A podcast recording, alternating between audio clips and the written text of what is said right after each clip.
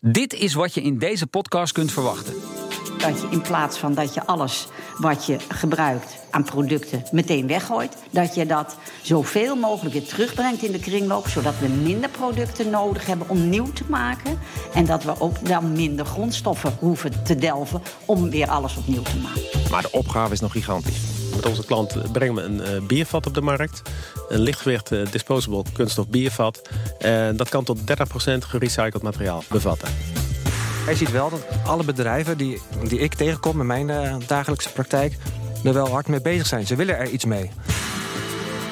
In deze podcastreeks draait het allemaal om de circulaire economie. Met nu, wat hebben we nodig om materialen zo hoogwaardig mogelijk te hergebruiken? Ik ben John van Schagen en in deze serie podcast ga ik voor het Normalisatie Instituut op onderzoek in de wereld van grondstoffen en hergebruik. Daarmee wordt in Nederland natuurlijk al volop mee gepioneerd, maar het kan altijd beter. En sterker nog, het moet beter. Dat onderzoek doe ik samen met gasten die daar alles over weten. En deze keer zijn dat Wietse Wissema van Alligator Plastics. Uh, Harold Pauwels staat hier bij mij van NEN. En zijn collega Martijn van Rijn aan de andere kant, eveneens van NEN. Um, ja, uh, Harold Pauwels, maar even met jou te beginnen. Um, vertel even waarom die, die circulaire economie. Dat is een onderwerp wat jullie echt hebben omarmd. Uh, waarom vinden jullie dat zo belangrijk? Een belangrijkste reden is, als je kijkt naar uh, de uitdagingen die voor ons staan, 2050, volledig klimaatneutraal, circulair te leven. Um, en als we nu in een economie zitten en in een samenleving waar alles is ge geënt op recycling, of lineaire economie, zoals het zo mooi heet, dan hebben we een gigantische opgave. En de rol die wij erin spelen het maken van afspraken, de nieuwe afspraken, de nieuwe economie, die is ook heel groot. Uh, daarom zijn wij er nu zo vol mee bezig om te zorgen dat we met elkaar de stappen zetten qua techniek, qua wet en regelgeving, qua normen, qua afspraken, qua uh, innovaties, uh, om samen die stappen te gaan waarmaken. Nou, Wietse Wissema van Alligator Plastics. Jullie zijn een spuitgietbedrijf, ook actief met ontwerp. Um, ja, 2050 klinkt voor mij nog als heel ver weg.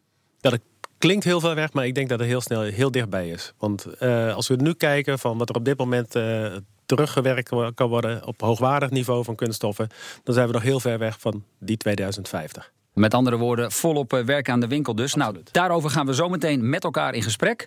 En dat doen we aan de hand van een concreet verhaal. Want eerder sprak ik met Jacqueline Kramer. Uh, die kennen jullie wellicht als oud-minister. Tegenwoordig is zij ambassadeur voor hergebruik in de regio Groot-Amsterdam. En ik vroeg haar wat iemand in die rol nou eigenlijk doet. Ik regisseer dat processen richting circulaire economie daadwerkelijk van de grond komen... samen met bedrijven, overheden en andere partijen. En wat, wat spreekt u dan zo aan in dit specifieke onderwerp? Ja, de circulaire economie is essentieel voor onze toekomst. Want als je kijkt hoeveel wij consumeren en steeds meer consumeren, dan krijgen we op een gegeven moment gebrek aan hele kritische grondstoffen die voor alle producten nodig zijn. Dat is één. Tweede, als we zoveel grondstoffen delven, is dat dus ook heel vervuilend.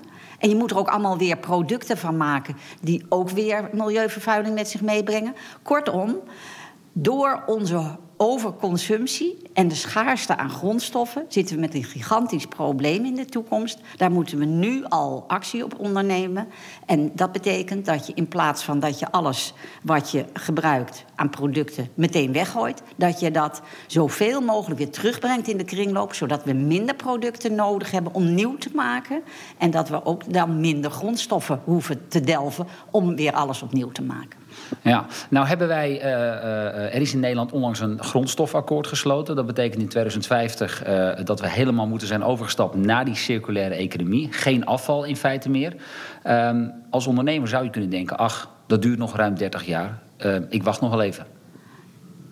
Dat kan niet. Want als je zo'n mega verandering wil bereiken, zul je daar tijd voor moeten hebben. En zul je al die processen van de grond moeten trekken. Daar ben ik eh, samen met allerlei partijen in de metropoolregio Amsterdam keihard mee bezig. Uh, maar dat, dat zie je nu al, dat voordat alles er staat en echt als een vliegwiel op gang gebracht is, dat je dan zo al in 2025 zit. En uh, natuurlijk, 2050 is nog verder weg, maar daar praat ik al niet eens over. Dat vind ik een te uh, lange horizon. Want dan zegt iedereen, nou, het zal mijn generatie wel duren.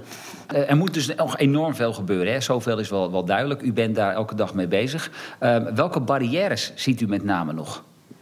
Barrière 1 is dat iedereen in zijn eigen koker zit. Een bedrijf maakt iets en uh, heeft verder geen verantwoordelijkheid voor wat er verder mee gebeurt. Uh, gemeentes werken ook allemaal afzonderlijk aan hoe ze uh, de spullen ophalen en wat ze daarmee doen. Kortom, die verkokering maakt dat er geen grote stappen gezet kunnen worden. Dat is wat ik ook met anderen regisseer. Dat door samenwerking er veel grotere stappen gezet kunnen worden om een proces van verandering tot stand te brengen. Voorbeeld, als we kijken naar de bouw en de sloop. Uh, daar is veel meer mogelijk. Je kan heel circulair slopen en praktisch alles weer terugbrengen in de kringloop en opnieuw in een gebouw gebruiken. Dat gebeurt ook in demonstratieprojecten. Maar als je dat wil doen, dan zul je als opdrachtgever, dus als bijvoorbeeld gemeente, moeten zeggen: wij willen circulair gesloopt hebben en opnieuw dat materiaal gebruikt willen zien. Uh, de hele keten van de bouw moet dan daar ook uh, op gericht zijn. En dan krijg je het voor elkaar. Maar als al die partijen allemaal zeggen: ik doe uh, wat ik wil, dan gaat het dus never nooit gebeuren. En hebben we dan een regisseur nodig om dat allemaal, nou laten we zeggen, te coördineren? Het is zo dat mijn werk is om het zo voor te bereiden dat er een consortium van partijen is die zegt. Wij gaan ervoor en wij tekenen bij het kruisje dat we het ook realiseren met elkaar. En dan ben ik weg. Dus het is een keer stappen. Eerst moet, moeten de mensen die uh, daadwerkelijk de verandering in stand uh, in, uh, van de grond kunnen krijgen, die moeten aan de slag. Maar daarvoor doe ik het voorbereidende werk met een aantal mensen en dan gaat het ook gebeuren. Hoe zit het eigenlijk met de kwaliteit van de hergebruikte materialen? Want daar is ook nog wel wat over te doen, toch? De kwaliteit is ook een andere bottleneck naast het gebrek aan samenwerking. Waarom? Als je een uh, gerecycled product of materiaal weer in uh, de markt zet, dan zegt die markt: hoe garandeer jij mij dat de kwaliteit van dat materiaal of dat product hetzelfde is als uh, wat ik wens? Het is namelijk nieuw. Want het, het, is samengesteld uit wat, wat, je in de recycling of in het hergebruik weer terugkrijgt. Uh, veel uh, ondernemers in de markt zeggen: waarom zou ik dat doen? En veelal is een uh, nieuw een maagdelijk materiaal of product zelfs nog goedkoper. Nou, dus er is best wel wat voor te zeggen om dan gewoon bij het oude te blijven. Dat is een enorme bottleneck. Dus wat er moet gebeuren is dat we bij spreken een stempeltje moeten kunnen zetten op een product of een materiaal. Dit voldoet aan de standaarden. Want dan kun je massa maken en dan wordt het product ook weer goedkoper. Het is dus een visieuze cirkel. Want je moet ergens dat vliegwiel op gang brengen. En je kunt je wel voorstellen dat als je weinig produceert van een bepaald nieuw product, dat, dat uh, het ook lastig is om te concurreren met iets wat al uh, jarenlang op de markt standaard is. Ja, maar neem nou bijvoorbeeld zoiets als, uh, als kunststoffen. He, die blijven vaak niet eeuwig goed. Um, wie is er dan volgens u verantwoordelijk voor, de, voor dat soort materialen? Heel principieel gesproken is dat degene die uh, het product of het materiaal, in dit geval materiaal, uh, op de markt brengt. Dus dat, dat is de producent die verantwoordelijk moet zijn. Als we dat strikt zouden doorvoeren, zou er een heleboel veranderen.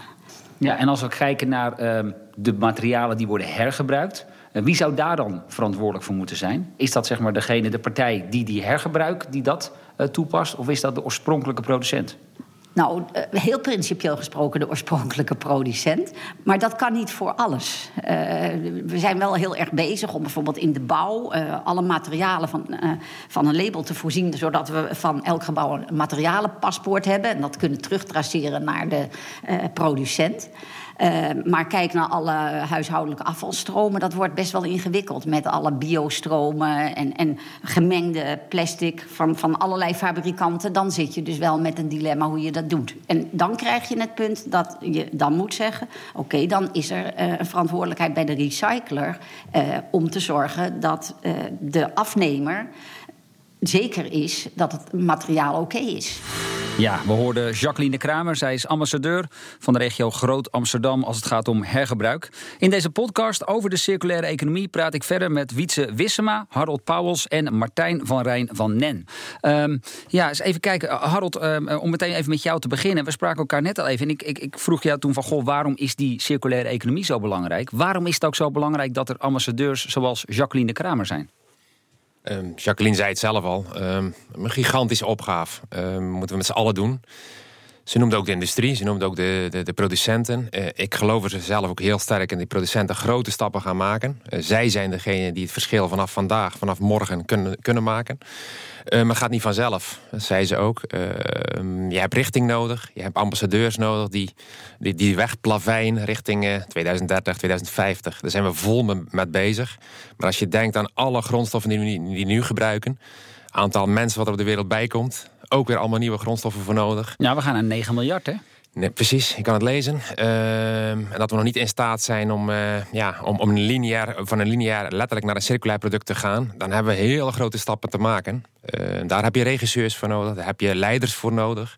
Um, zowel in de politiek als in de industrie. Dat zien we nu ook gebeuren. Dus dat kantelpunt zijn we. Maar de opgave is nog gigantisch. Ja, gigantische opgave dus. Martijn, um, ja, we weten het allemaal. Jacqueline Kramer zegt het ook. Uh, grondstoffen zijn eindig. Dat is een gigantisch probleem. Um, ja, beseffen wij, het grote publiek, dat al voldoende? Uh, nee, dat denk ik niet. Ik... Ik ben zelf ook consument natuurlijk. En ik sta regelmatig uh, in de winkel en dan denk van... zal ik het goedkoopste nemen of zal ik het duurzaamste nemen? En wat wordt het meestal? Nou, ik ga langzamerhand naar duurzaam. Eerlijk ben ja. ik wel. Uh, maar de prijs speelt wel een rol. Ja. En uh, op dit moment is er nog uh, te weinig, wordt te weinig gerecycled, denk ik zelf op dit moment. Um, en daardoor is er te weinig volume en kunnen de recyclers ook niet in, op inspelen op grote volumes. En dus de kwaliteit van het recycled materiaal beter maken. En dus dat er marktwerking ontstaat. En uiteindelijk ook producten, gerecycled producten weer goedkoper worden. Ja, want is dat dan inderdaad de weg die we moeten bewandelen? Um, als het maar goedkoop wordt, dan gaat de consument het uiteindelijk proberen. Of moeten we juist meer aan het besef van die consument gaan sleutelen? Uh, consument staat het makkelijkste uh, te, te verleiden door prijs. Uh, maar aan de andere kant, uh, het gaat niet alleen om prijs, het gaat om duurzaamheid, uh, de, de leveringszekerheid. Uh, en uiteindelijk hebben we gewoon tekort aan uh, grondstoffen en materialen. Dus we moeten echt bewegen. En daar hebben we mensen Jacqueline voor nodig om het, het pad te leiden. Ja. Of de, de consument te leiden, maar ook de bedrijven en de overheid te leiden. Ja, want je noemt inderdaad bedrijven. Nou, meteen maar even het bruggetje maken dan. Um, ja, is dat besef daar al voldoende bij het bedrijfsleven? Want nogmaals, 2050, het klinkt alsnog zo ontzettend ver weg. Um, dat is nog niet voldoende uh, besef aanwezig bij de bedrijven, denk ik zelf. Maar je ziet wel dat alle bedrijven die, die ik tegenkom in mijn uh, dagelijkse praktijk, er wel hard mee bezig zijn. Ze willen er iets mee. Ze zoeken alleen naar tools om daar te komen. Uh, vandaar dat ik vanuit mijn rol bij NEN ook die gesprekken heb met die bedrijven. Waar hebben jullie dan behoefte aan? Kunnen daar iets in betekenen? Kunnen we afspraken maken tussen die bedrijven en bijvoorbeeld jullie afnemers? Om te kijken hoe we die producten kunnen afzetten... maar ook hoe we die gerecyclede stromen weer van voldoende kwaliteit kunnen terug laten stromen. Uh, in die bedrijven. Ja. Een van de bedrijven die daar al volop mee aan het experimenteren zijn, want zo mogen we het ook wel noemen. Uh, de, de, ondernemer daarvan die, uh, die staat hier, Wietse Wissema. Um, ja, Wietse, staan opdrachtgevers, staan jullie afnemers hier ook wel voldoende op te wachten? Of zijn jullie ook een soort van evangelisten ja, die het continu maar aan het, moeten, aan het prediken zijn? Dat is eh, een beetje wisselend. Er zijn, af, ja, er zijn afnemers die het uh, heel, erg, heel erg hoog op de agenda hebben staan. Maar heel veel afnemers op dit moment die kijken voornamelijk naar technische specificaties en functionaliteit van de producten. Ja, en met andere woorden, uh, deugt het product? Uh, blijft het lang houdbaar? Uh, ja, is, is, is, is, het, niet gevaarlijk? genoeg? inderdaad, ja, dat klopt. Ja, ja. Want gebruiken jullie overigens ook al, want jullie zitten met name in hergebruikte kunststoffen. Kunnen je ook al gebruiken voor dingen waar bijvoorbeeld voedsel in wordt bewaard? Want dat is ook nog wel even een heikel punt, hè? Ja, dat klopt. Ja. Op dit moment uh, hebben we samen met, een, uh, met onze klant brengen we een uh, biervat op de markt. Een lichtgewicht disposable kunststof biervat. En dat kan tot 30% gerecycled materiaal ja. bevatten. En als je het hebt over voedselveiligheid, of in dit geval de veiligheid, hè, de, de gaat, bier gaat erin, ja. daar komen geen vragen over. Uh, nee, zeker niet. Dat is gewoon 100% af, uh, af, afgetikt. Dat is een ticket to ride. Dat moet gewoon 100% voedselveilig zijn. Ja, nou hebben we hier dus een product wat, uh, wat inderdaad die garantie biedt. Maar kijk ik toch weer even naar Harold. Um, ja, ook het verhaal van Jacqueline de Kramer. Daarin kwam het ook toch wel weer naar voren dat afnemers vragen hebben over de kwaliteit. Hè? Want bij een gerecycled product, ja, dat geldt toch een beetje. Hoe garandeer jij mij dat jij dezelfde kwaliteit levert als dat wat ik wens? Ja, klopt. Uh, we zitten nu dus in een keten waarin, waarin we recyclen. Uh, dat is niet circulair, we zeggen al recyclen. Recyclen betekent dat je over het algemeen een steeds laagwaardigere toepassing hebt. iedereen kent dat. Op een bepaald moment krijg je iets wordt zwart, omdat het een laagwaardige toepassing heeft. het begint met de kleur. een ander mooi voorbeeld vind ik zelf veel pers de laatste tijd is, is de Fairphone. Um, ja, dat is die telefoon die je helemaal uit elkaar kunt klikken, heel modulair. Is er iets kapot, kun je zeg maar alleen dat uh, dingetje kun je erop klopt, doen. Klopt, uh, maar die wil je natuurlijk ook volledig circulair in de markt zetten. Dat betekent dat je alles op dezelfde, qua zelfde toepassing, zelfde kwaliteit, zelfde gebruiksvriendelijkheid moet kunnen wegzetten. Uh, zelfs die telefoon is dat nu niet mogelijk. we weten ook niet letterlijk waar het vandaan komt, vanuit welke mijnen. Voor het goud weten we dat, voor andere dingen weer niet. Het is een mooi voorbeeld van hoe moeilijk het is in de huidige economie in de huidige afspraken, niet alleen in Nederland, maar wereldwijd, om te komen tot, tot, tot, tot een circulair gebouw, tot een circulair product, tot, tot, tot circulaire kunststof, in plaats van recyclede kunststof. Ja, ja, dus inderdaad even goed dat je dat, uh, dat onderscheid maakt. Uh, mevrouw Kramer heeft het over een stempeltje zetten. Is het echt zo simpel? Als je bij het stempeltje bent, dan ben je al heel end. Ja. Uh, voor je bij dat stempeltje bent, zul je afspraken met elkaar moeten maken. Met al die partijen die in die markt bezig zijn. Het stempeltje is, zorgt voor vertrouwen zorgt voor acceptatie in de markt, waar eh, andere sprekers ook over hadden. En dat is wel hoe ons systeem, systeem nu werkt. Uh, als consument kijk je toch uh, in de winkel van... hey, kan ik erop vertrouwen? En een stempel, keurmerk, NEN-norm, ISO-norm... die kan daar gigantisch bij helpen. Uh, maar voor je daar bent, zul je met z'n allen rond tafel moeten. En moet je in de, in de businessmodellen moet je dingen aanpassen. In de technologie uh, moet je dingen aanpassen. Uh, in de prijsstelling, in de subsidies. En wij spelen met instrument normalisatie één rol daarin. Een belangrijke rol. Daarom doen we dit ook. Maar het is één van de rollen waar we vol mee aan de slag gaan. Ja. Ik kijk even naar jouw collega Martijn van Rijn. Um, ja, mevrouw Kramer zegt ook... de overheid zou eigenlijk wat, wat strengere eisen moeten stellen... en dan gaan de bedrijven vanzelf mee. Um, zien jullie dat ook zo? Nou, ik kan natuurlijk niet voor de overheid praten, maar de overheid heeft een grote inkoopkracht. Uh, dus als zij beginnen met eisen stellen aan de producten die zij aanschaffen, bijvoorbeeld een circulaire brug aanschaffen in plaats van een brug, nou, dan ga je wel de ondernemers uh, dwingen om duurzamere producten te, te, te, ontwikkelen en ook te gaan leveren. Uh, daarbij hangt natuurlijk wel soms wel een kostenplaatje, dus dat moet de overheid inderdaad afwegen tegen elkaar. Is dat wat we willen? Daarbij komt ook, wanneer is iets circulair? Je kan heel goed een circulair product kopen ja, elke producent zegt op dit moment dat een product circulair is. Ja. Uh, ook daarvoor geldt, daar moeten afspraken over gemaakt ja, want worden. Die keten die kan heel ingewikkeld zijn. Ik bedoel, een product kan ergens in het verre Azië gemaakt zijn. En gaat dan nog maar eens even uh, nagaan of het allemaal wel zo circulair is als dat wij hier zouden willen wensen. Uh, ja, daar ben ik heel met je eens. het is inderdaad, je weet niet van alle, producten, alle grondstoffen die in een product zitten de herkomst. Dus je kan uiteindelijk een heel mooi eindproduct hebben. Maar als je niet weet wat erin zit, dan uh, kan je er niet je hand voor in het vuur steken dat je product helemaal circulair is. Dus je moet alle stappen in de keten eigenlijk in kaart brengen en afspraken maken met al die verschillende partners. Uh, nou ja, en daar willen wij als NEN uh, graag bij helpen. Ja, Wietse Wissema van Alligator, uh, Alligator Plastics. Um, een andere barrière die zij bespreekt, dat is dat iedereen een beetje ja, in zijn eigen koker zit. Hè? het bedrijf maakt iets, heeft vervolgens geen verantwoordelijkheid over wat er verder mee gebeurt. En daardoor blijven grote stappen uit, zo zegt zij. Um, herken je dat ook een beetje bij nou, collega-ondernemers? Nou, ik herken dat sowieso wel in de markt. Uh, wat ik uh, ja, wil onderschrijven, wat Martijn net zegt, is je hebt de hele keten heb je daarbij nodig. En die hele keten die moet natuurlijk wel gemotiveerd zijn om de stappen te maken die we moeten maken met elkaar.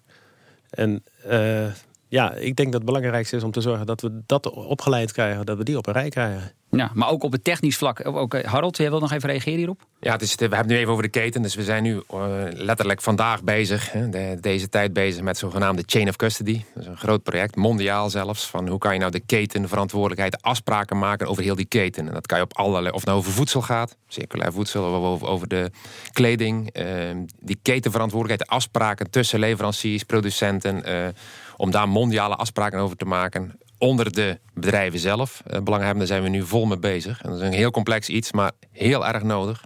Dus mensen die mee willen doen, neem contact op met hen. Dat is absoluut een... Uh... Ja, maar we, weten ook... Gaat ook... gaat ook verder als alleen leveranciers en producenten. Hè. Er zitten de eindgebruikers, de tussenstappen zitten de, de transporteurs, transporteurs. Het, de keten is heel groot. De overheid... Uh, die, Havenbedrijven, die ja, absoluut. Heel breed. Absoluut. Ja, maar nou weten we wel van mondiale afspraken. Die duren vaak, nou je zegt het zelf al, ze zijn heel complex en ze duren vaak ontzettend lang. En ze lukken ook niet altijd. Dat klopt. Ehm, maar goed, we hebben net uh, Jacqueline Kramer gehoord. Uh, je moet vooruit, je moet stappen maken. onze rol is om ook die afspraken, ook mondiaal, ook Europees en nationaal, sneller te maken. Ehm, dat betekent dat wij het besef bij al die actoren, wat al die belanghebbende partijen we net over hadden, en ook tussen de oren krijgen, proberen te krijgen van jongens, het moet sneller. We kunnen er geen drie jaar over doen, geen vijf jaar. Als we het nu op willen schalen, die markt willen ontwikkelen, dan heb je vandaag de afspraken nodig. Dus dat betekent druk uitoefenen, uh, met elkaar veel bilateraaltjes, veel gesprekken om te zorgen dat je die, die afspraken die markt nodig heeft, klaar hebt. Ja, Wietse, even ook nog wat technische aspecten behandelen. Want um, ja, we kunnen natuurlijk zeggen dat als alle fabrikanten hun eigen stoffen weer gaan innemen, uh, om dan vervolgens nieuwe producten van te maken, ja, dan moet er volgens mij ook in die, die afvalstromen moet er nog heel veel worden verfijnd. Hoe lastig is dat? Dat is heel lastig. Ja, maar je kan van een kunststof aan de buitenkant niet zien wat erin zit. Dus het is inderdaad heel lastig om die, die, die afvalstromen zodanig gescheiden te krijgen dat je het op hetzelfde niveau weer kan hergebruiken. Ja, daar zijn jullie nu wel al volop, uh, volop mee bezig. Betekent wel dat, neem ik aan, de kosten van dat hergebruik uh, op dit moment wat hoger liggen dan Jacqueline Kramer noemde het, het, het maagdelijke materiaal. Ja, maar dat is ook weer het kip en het ei verhaal. Op het moment dus dat dat op een grotere schaal komt, dan uh, gaan die kosten ook naar beneden. En dan is het uiteindelijk het doel dat het ook goedkoper wordt als het gebruik van virgin materiaal. Martijn van Rijn, hoe kijk jij daarnaar? Is, zitten we inderdaad echt zeg tegen een ontwikkeling aan te kijken dat die kosten de komende jaren fors naar beneden kunnen gaan? Uh, ja, daar ben ik heel met je eens. Ik zie eigenlijk twee trends. Hè. De, de virgin materialen worden steeds duurder. En uh, de gerecyclede materialen hebben we gewoon steeds harder nodig. Uh, dus daar komt steeds meer vraag naar vanuit de markt. En dus gaan recyclers daarop inspelen. Die gaan hun processen verbeteren. De kwaliteit zal beter worden. En straks zijn er bedrijven die zitten te springen om het gerecyclede materiaal. en dan krijg je gewoon een, een goede marktwerking in die gerecyclede materialen. en dus willen producenten ze gewoon hebben en kunnen ze makkelijk inpassen in hun huidige processen. En dat is uiteindelijk het doel. Dat we secundaire materialen gaan behandelen als virgin materialen. En dan krijg je een mooie economie. Dan krijg je vraag en aanbod. En dan gaat het hele spel uh, verslag. Ja, Harold Pauwels, dat klinkt als een, uh, als een heel mooi verhaal. Een droomscenario misschien. Um, en dan willen wij toch even weten, hoe ver zijn we daar nog van verwijderd, denk je? Ik zou hem om willen draaien. Uh, sowieso, ik denk, de tijd van dromen is voorbij. Uh, we hebben het over 2050, maar om daar te komen, we hebben ook gezegd 60% recycling in 2030. Uh, als je nu kijkt wat we nu doen, we doen heel veel. Uh, en dan kijken we vaak alleen nog maar naar Nederland. Wereldwijd hebben we zulke gigantische stappen te gaan. Ehm, dus we moeten met z'n allen rond tafel. We moeten technologie ontwikkelen. We moeten dit mooie producten uh, die we net gezien hebben, moeten we, moeten we ontwikkelen. Um, maar ik denk dromen en praten in, in die zin is voorbij. Uh, we moeten gewoon stappen zetten. Afspraken met elkaar maken en uitvoeren. Andere businessmodellen ontwikkelen. Uh, fiscale maatregelen nemen waar nodig. Al die, al die instrumenten heb je nodig om, om, om die stappen te zetten. Zodat het gebouw waar we hier in staan straks ook bijvoorbeeld ook circulair is. En de microfoon die jij gebruikt ook circulair is. Ja. En die wordt weggegooid na een paar jaar. Ja, ook wereldwijde afspraken, dan neem ik aan. Absoluut, absoluut. Want alleen, Nederland, alleen met Nederland gaan we het niet redden. Nee. Is, uh... Denk je dan dat het over pak een beet, um, nou laten we zeggen een jaar of tien, uh, dan net zo gewoon is om producten uh, te maken die niet circulair zijn gemaakt, dat we daar eigenlijk helemaal niet meer aangaan? Zoals je vaak ziet met, met een nieuwe economie, en wij zitten er vaak in, dus we gaan van lineair naar circulair. Um, je zult het niet meer hebben over circulair en, en, en lineair. Nee, circulair wordt het nieuwe gewoon. Is gewoon, ja. ja. En nu zitten wij in een transitie en we hebben het eigenlijk allemaal niet in de gaten. We zitten middenin, maar circulair wordt straks, hebben we het niet meer over. is gewoon, ook voor bedrijven, ook voor, voor, voor wij als consumenten. Maar we zitten in die transitie en dan moet je dus moet je een paar hele moeilijke hobbels over. Dan zei je, ja, daar staan we hier voor. Dat, dat, dat is de grote uitdaging. Maar geen droom. Ja. Wietse, kijk jij er ook zo naar? Ja, absoluut. Ja. We zijn uh, pas bij het eindpunt als we niet meer hebben over secundaire materialen, maar dat het gewoon grondstoffen zijn. Ja, helder. Uh, Martijn van Rijn, nog even uh, voor jou uh, tot slot. Ehm, we horen, er gebeurt al ontzettend veel in Nederland. mondiaal proberen we ook afspraken met elkaar te maken. Wat zou jouw oproep willen zijn aan het bedrijfsleven in Nederland? Met name de ondernemers die, ja, die eigenlijk nog niet zo heel veel kennis hebben genomen van dit onderwerp. nou, ik zou zeggen tegen die ondernemers... kijk goed naar je eigen bedrijfsprocessen. Kijk wat voor producten je maakt. Kijk wat erin zit. En kijk volgens, joh, waar haal ik het eigenlijk vandaan? En dan als je dus je eigen product kan ontleden en weet wat erin zit, dan kan je ook in contact treden met andere partijen. Van joh, misschien kan je wel een afvalproduct voor de een, is misschien jouw grondstof. dat gaat natuurlijk niet zo makkelijk. Je moet wel zeker weten dat de kwaliteit van die grondstoffen die je bij een ander bedrijf vandaan haalt, van die juiste kwaliteit, juiste specificaties heeft. zowel chemisch als fysisch, nou andere eigenschappen. nou, daar moeten we afspraken over maken. Niet één en één, maar met heel Nederland of zelfs heel Europa of de wereld. Om te zorgen dat die grondstoffen van een goede kwaliteit zijn en ze makkelijk ingebracht kunnen worden. Dus ondernemers, uh, kijk naar je eigen bedrijfsprocessen. Uh, kijk om je heen. Kijk welke bedrijven jou van dienst kunnen zijn, waar je mee kan uh, dealen. En uh, gaan we met elkaar in gesprek. Ja, voldoende werk aan de winkel dus. Dat is, uh, dat is duidelijk. Ik dank jullie allen voor jullie aanwezigheid. Wietse Wissema van Alligator Plastics en Harold Pauwels en zijn collega Martijn van Rijn van NEN. Nou, en mijn luisteraars roep ik natuurlijk graag op om ook te luisteren naar de andere afleveringen van deze podcast. En daarin hoor je hoe in andere sectoren de circulaire economie helemaal opleeft. Bijvoorbeeld over het hergebruik van de grondstoffen in de suikerbietenteelt. Ieder kijkt vanuit zijn eigen perspectief welke grondstoffen nodig zijn, hoe je nutriënten zo goed kunt terugvoeren. Wat heel belangrijk is, dat je hem gewoon integraal benadert. Dank voor het luisteren.